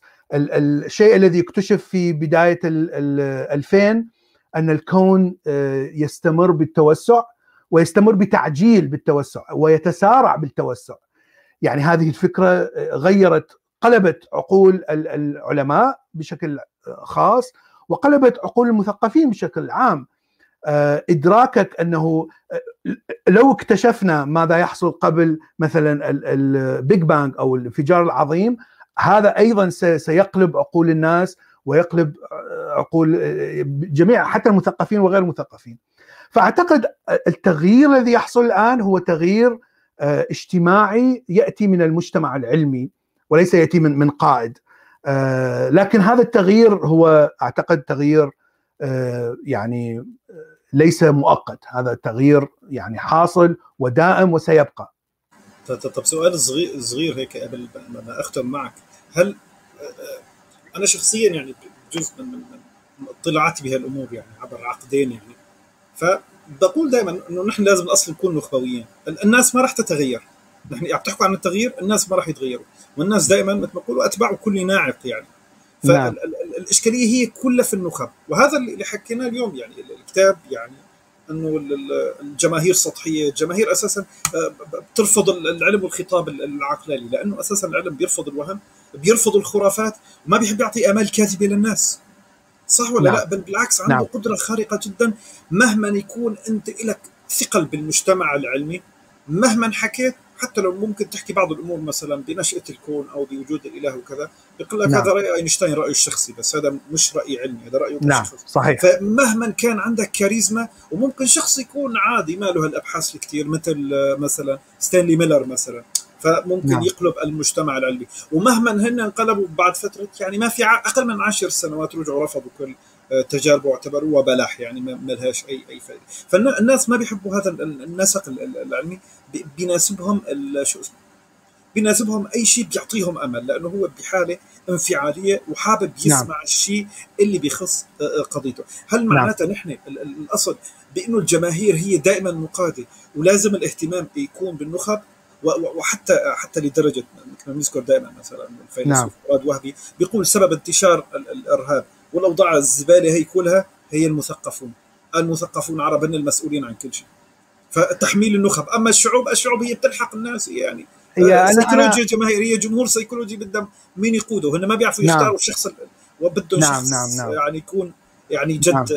قائد حقيقي يعني هن ما بيعرفوا أنا لا أتفق مع هذا الكلام النخب تأتي من الشعب القادة يأتون من الشعب. سواء كان فإذا كان الشعب جاهل سيأتي قائد جاهل ونخب جاهلة. إذا كان الشعب آه، يعني متسامح ومتنور آه، إذا سيأتي قادة ونخب آه، تعكس هذا الشعب. لا يوجد حل سحري. يجب أن يأتي قائد عظيم وعبقري وهو الذي سيقود كل الناس. هذا هذا كلام يعني ممكن أن يكون لكن يعني هذا يعتبر حظ يعتبر احتمالية وليس وليس استراتيجية. آه، كما قلت النخب والقادة يأتون من الشعب. إذا عندك قائد فاسد فالشعب فاسد. الشعب يحتوي على هذا الفساد. لا يوجد شيء يأتي من من الفراغ. جوستاف آه، لوبون يذكر في الكتاب أن القادة في في العصور القديمة كانوا يتكلمون بالدين عن طريق الديني أو عن طريق العسكري. آه، فيعني يحاولون أن يؤثروا على الجماهير بشكل أننا يجب أن نحارب ونسيطر ونغزو وحتى نصبح أثرياء.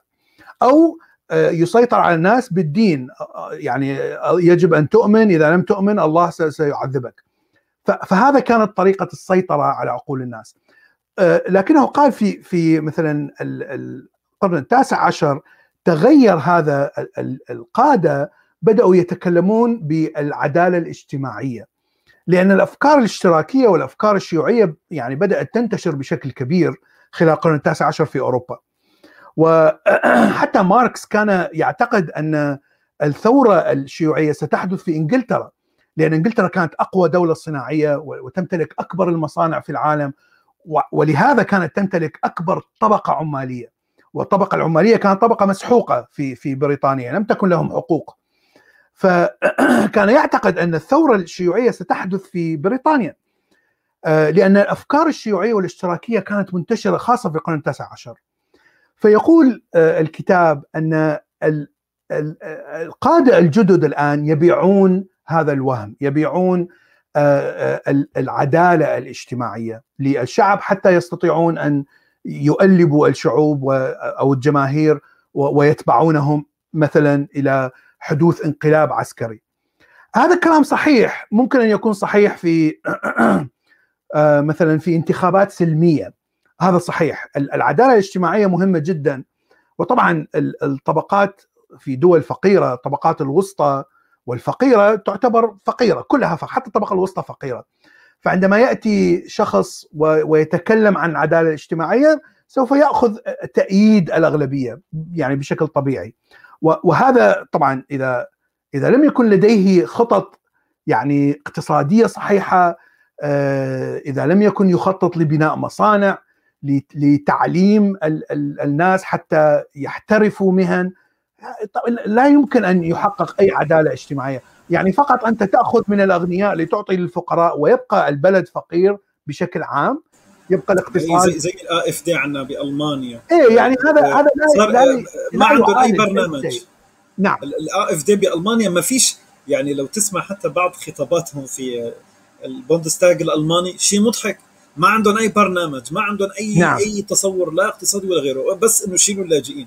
واكتسحوا 23% و15 و18% ولحد الآن في لهم تصور نعم. في الولايات نعم. بس شو إنه الناس عندها خوف من موجة اللاجئين صار في حالة خوف يا يا وصار بلش يصيحوا بأسلمة البلد. شوف شوف شوف. هاي هاي الأفكار أعتقد أفكار تختلف عن الأشياء اللي ذكرها لوبون. وهي وهي الخوف من اللاجئين خوف من الصين. الشيء الذي كان يعني يكرره دائما ترامب. الصين الصين عدو رهيب. الصين يسرق المعلومات يسرق تكنولوجيا من أمريكا. آه الصين يعني هم هم الشر الأكبر. هم الشيوعيين هم الشياطين هم عكس الدين إلى آخره.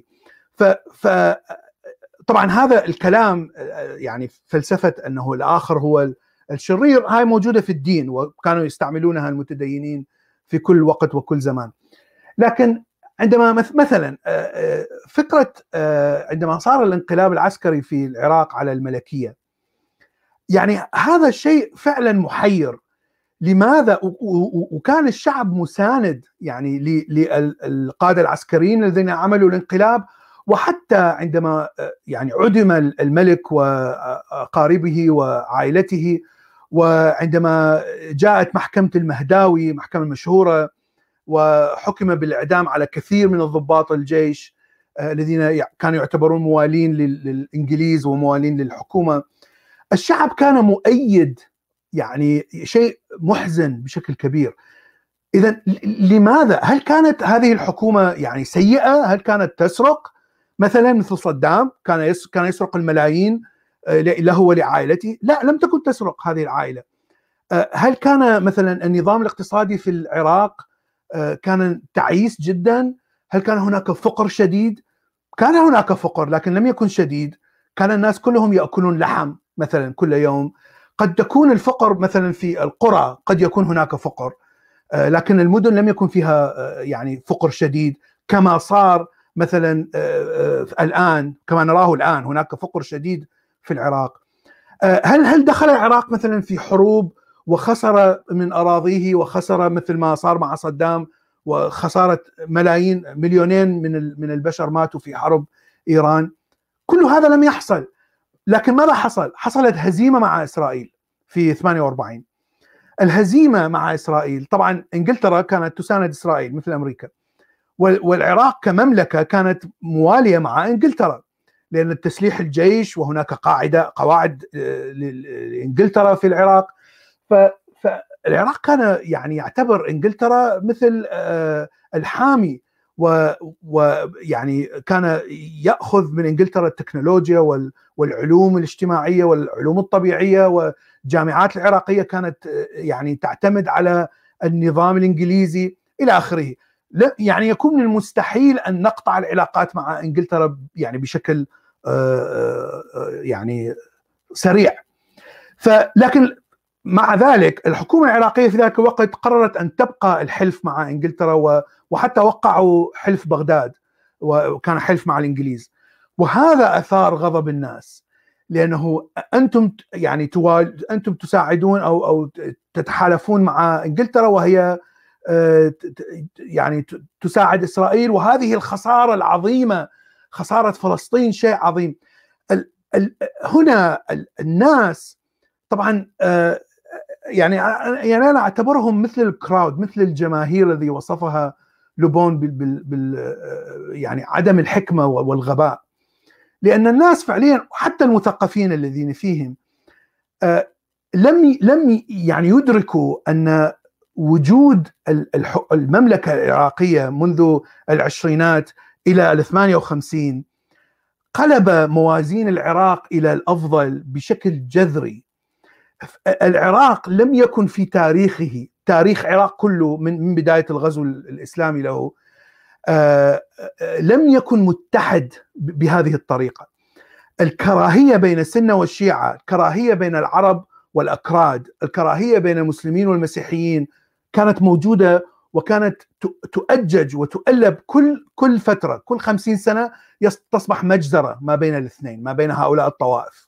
منذ غزو المسلمين منذ قتل الحسين ليس ليس فقط غزو المسلمين منذ قتل الحسين وحصول الفتنة أو أو قتل علي وحصول الفتنة. آآ آآ إلى بداية المملكة العراقية لأول مرة في تاريخ العراق منذ 1400 سنة الشعب بطوائفه بطبقاته كله يتحد في حب العراق حب الوطن وخدمة الوطن. يعني هذا شيء لم يحدث في التاريخ. هذا هذا الشعوب التي عاشت في هذه الفترة الأربعينات والخمسينات يعني لم تدرك هذه الحقيقة. كان الهم الوحيد هو خسرنا فلسطين. لماذا خسرنا فلسطين؟ اذا يجب أن أن نحارب إنجلترا يجب أن نقطع علاقات مع إنجلترا. وهذا الشيء يعني من 48 إلى 58 هذه مشاعر الغضب ومشاعر تكلمنا عنها التي تؤثر على الحشود الناس الذين القوميين طبعا جماعة القوميين حزب البعث حزب العربي القومي إلى آخره الناس الذين كانوا دائما يؤلبون الشعب على أننا خسرنا فلسطين إلى آخره يعني هم الذين أججوا هذا الغضب والشعور بالعجز فلما حصلت الانقلاب العسكري وقتل الملك وإلى آخره بدأ الناس يفرحون. طبعا يعني العراق يعني بدأ يعني يندثر شيئا فشيئا إلى يومنا هذا بحيث عاد إلى يعني كأنه مثل العهد العثماني مثل ما قبل المملكة العراقية طوائف مقسمة الناس جهلة لا يوجد علم لا يوجد حضارة لا يوجد حرية رأي لا يوجد الناس فقط يفكرون بغريزية وفقط بدين الناس كلهم منافقين بشكل كبير كلهم يتظاهرون بالأخلاق لكنهم في الداخل لا يوجد أخلاق تماما الكل يسرق وينهب يعني فهذا الاندثار يعني سببه هو الجماهير الذي الذين يعني اقتنعوا بفكرة فكرة خسارة فلسطين وإسرائيل أدت بها إلى يعني دمار البلد بشكل عام. نعم بالضبط ولحد الآن لا تزال فلسطين هي دائما يعني طبعا أنا أنا لا يعني أنا لا أقلل من مشكلة فلسطين يعني لكن فقط أشرح المشكلة التي حصلت في العراق والتي أدت إلى نها... إلى الاندحار الشديد الذي نراه الآن. وهذا هذا يوضح إلى إلى سهولة تأليب الجماهير صحيح يعني حتى صحيح. حتى يمكن كمان بذكر هيك حادثة يعني لهذا المدعو علي هذا محمد علي هذا اللي كان ب بمصر هو على أساس رجل أعمال وكان يتعاطى مع مع جيش الدفاع بمصر ومع السيسي وغيره وبلش يطالع على أساس فضايح على السيسي وصار يحرض الناس. فالناس قامت. الناس قامت وعملوا مظاهرات وما استفادوا منها شيء طاول وانسجنوا وتبهدلوا وصار في اضطرابات وبدون اي أي سبب بسبب إنه في شخص غبي وأحمق استطاع أن يحرك الناس. عنده قدرة عنده أسلوب عنده كاريزما عنده طريقة كلام مؤثر في في في الناس. فاستطاع أنه يحركهم. فهي شغلة كنا حتى ندرسها حتى في في الفقه بأنه ممنوع أي شخص أي شيخ يحرض الناس على الجهاد هذا يعتبر من الخوارج لأنه نعم. المشاعر الدينية هي هي هي طبعا نحن بأدبياتنا كنا كسلفيين يعني هي هن عم بيسالوا على فكرة البعض سأل عن الإخوان المسلمين لأنه هن أفضل من يجيد نعم. تحريك الجماهير بالعواطف حسن نعم. البنا وغيره بس هذا هذا مستنقع بدنا نحكيه بدنا ناخذ كتاب كامل عن الشخصية الكهرزماتيه وشلون نعم. بتأثر بالناس وشلون بتحركهم وشلون ممكن تدخل نعم. بيتهم ولكن يعني... نادرا في في واحد سألني بس جملة أو لا بإنه أنه علق على كلمتي بإنه قلت أنه القائد لازم يكون عنده قدرة على صناعة الولاء فقال القائد اللي بيصنع الولاء هذا شرير كذا. لا لا لا حسب. إذا صنع الولاء للفكرة فهذا قائد جيد. مثل الملك العراقي اللي عم يحكي عنه أو الملكية والحكومة العراقية كانت عمال تبني ولاء للبلد. مش لإله. بس شوف القائد أو أي شخص عمال بيبني ولاء لنفسه عرفوا إنه هو شخص غالبا هو شخص قذر. هذا هو اللي بيخرب الدنيا. لذلك نحن حريصين دائما مثلا لاحظ بإنه بنحاول نربطك بكتاب بنحاول نربطك بمؤلف نعم. بنحاول نربطك نعم. بالمصادر. بينما أنا بستطيع انه أتكلم كثير بكلام جميل وننمقه وأكلمكم إياه سرد وتقولوا الله الله مكسر غلاك ينبض بحبك فؤادي مين يشبهك يا, يا ملاك؟ فانه إنه كلامك نعم. جميل. بينما أنا بدي أنا ما بدي أربطك فيني. أنا عارف حالي مثقف وعظيم وعميق وما في مثلي يعني. بس أنا بدي أربطك بالعلم بالمرجعية. بينما القائد الوسخ والمثقف الوسخ كمان على فكرة مثل بعضهم يعني ولو إنه المثقف لم أكثر هو بيحاول يربطك بنفسه ما يربطك نعم. بالفكرة ما يربطك بالوطن ما يربطك ب بالعلم الصحيح هو بيربطك بالكاريزما تبعه بشخصيته كاريزما بحيث نعم. انه تقدسه له نعم. ما تقدسه نعم. لغيره ليش؟ لأنه هو نعم. بده بده شغلة غير عقلانية ما يكون فيها استدلال وما يكون فيها أسلوب نعم. للمحاكمة طالما نعم. إنه أنا الصح فأنا الصح آه، نحن نعم. الصح ليش النازية الالمان هم هم سادة العالم وإلى آخره نعم. فأما أنك نعم. صدفة تلاقي قائد يزرع الولاء للوطن وللشعب وللإنسان هذا بقى بالصدفه مثل ما قال مثل ما قلت أنت يعني هذا نعم. احتمال نعم احتمال وليس يعني وليس يعني شيء شيء واضح اذا إذا تأخذ يعني شعوب وطبعا يعني أنا لا أعني أن هناك شعوب أفضل من شعوب، لا يوجد شعب أفضل من شعب. آه، هناك ثقافة أفضل من ثقافة. فالثقافة تأتي من من تعليم الأطفال. إذا أخذت أحد الشعوب الإسكندنافية مثلا آه، ترى يعني هؤلاء إذا أخذت أي رئيس منهم أو أي ملك أو أي رئيس وزراء غالبا غالبا سيكون إنسان مخلص للوطن مثلا وإنسان علمي يؤمن بالعلم يؤمن بالافكار العلمية في حل مشاكل البلد يؤمن بعلم الاقتصاد حتى يستطيع أن يحسن البلد. لماذا؟ لأن الشعب هو هو أغلبه من هذا النوع. لا يتأثر بالأفكار الدينية لا يتأثر بالمشاعر آه، الدينية يعني الفارغة. آه، لكن آه، يؤمن بالعلم وهناك كثير أغلبهم هم هم يتصفون بصفات جيدة. يعني لا يوجد كذب لا يوجد يعني نفاق إلى آخره. لكن لو تأخذ شعب آخر فلبين الشعوب العربية أفغانستان. يعني من الطبيعي عندما تأخذ شخص من هذا من من, هذه البيئات سيكون إنسان فقير معدوم سيكون إنسان حاقد غاضب آه، سيكون إنسان يشعر بالعجز يشعر بالضعف ويحاول أن يغطي هذا الضعف والعجز آه، إما بمحاربه الأعداء بشكل طبعا أعداء الداخليين آه، أو سيحاول السرقه لأنه يعني عاش حياة فقيرة جدا حياة صعبة يعني ليس شيء غريب آه، أنك آه، ترى ان أن البيئة هي التي تخلق آه، الزعماء. هناك يعني مثال غريب جدا في أمريكا اللاتينية، أمريكا الجنوبية. أعتقد رئيس أوروغواي طبعا أوروغواي هي دولة يعني مجاورة للبرازيل والارجنتين. دولة زراعية بحتة يعني كلها زراعة، أرجنتين أيضا دولة أغلبها زراعية. آه، أرجنتين لأنه والبرازيل طبعا دول كبيرة جدا وتحتوي على صناعة، تحتوي على خليط من من الناس خليط من الأجناس لأنه دول كبيرة. أوروغواي دولة صغيرة. دائما هناك فساد في الحكم ورشاوي وسرقة ويعني مع أنه لديهم حرية رأي ولديهم انتخابات إلى آخره لكن لديهم مشاكل اقتصادية يعني كبيرة جدا والفساد الحكومي والسرقة منتشرة بشكل كبير. أوروغواي لديها رئيس شيوعي من حزب الشيوعي لكنه لكن الاقتصاد ليس شيوعي، الاقتصاد رأسمالي. الرئيس هذا إنسان شريف بمعنى الكلمة. يعني يمتلك مزرعة صغيرة مثل كل باقي الشعب ويمارس حياته عادية بدون حرس بدون أي شيء. إنسان عادل إلى شكل كبير. الشعب يعشق هذا الإنسان. أعتقد أنه اعتزل لأنه بقي رئيس فترة طويلة.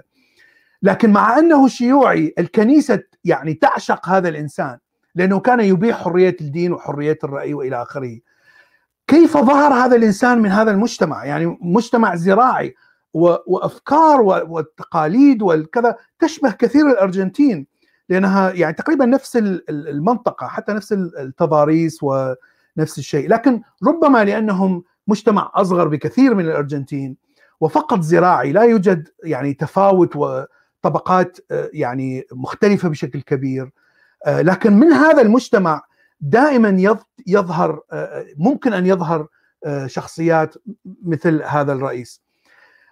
ف يعني أعتقد أن المجتمع أو أو يعني الشعب يعني ثقافة الشعب تفكير الشعب مهم جدا في في إنتاج هؤلاء الرؤساء.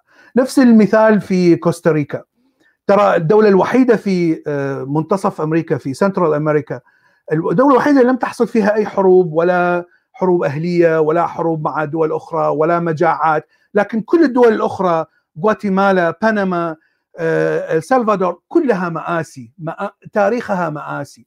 كوستاريكا اقتصادها متزن وسلام ويعتمدون على زراعة القهوة ويعتمدون على السياحة منذ خمسينات القرن الماضي. وإلى الآن دولة مستقرة. لأن الشعب نفسه مستقر. الشعب نفسه لا يريد الحرب. طبعا هم يعني شعب قليل جدا. لكن بمختلف الطوائف وبالأغنياء والفقراء كلهم متفقين أننا لا نريد حروب. ولهذا الرئيس الذي ينتخب منهم دائما يتبع يعني هذه الأفكار وهذه السياسة. ربما هيك تدليل على كما تكونون يولى عليكم وأنا القاعدة أكيد مؤمن فيها. وراح يكون وراح يكون على فكرة راح يكون في في حديث مفصل بهالنقط ولكن بس نتكلم عن إبراهيم البليهي. إبراهيم البليهي في في عنده هيك بعض الأطروحات منها الريادة والاستجابة.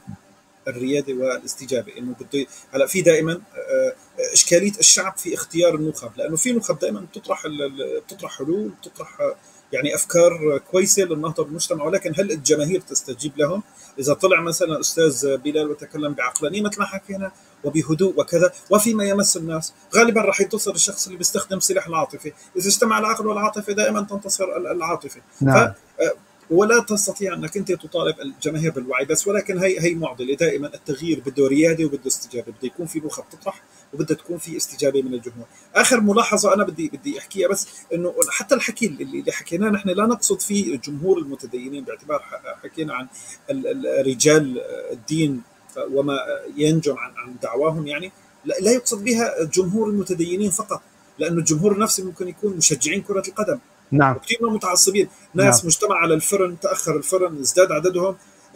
بلحظة ما معينة ممكن تنشأ فيهم انفعالات فيتحولوا إلى جمهور نعم. نفسي. إلى جمهور. وفي واحد يعني كلام صحيح هذا شيء مهم.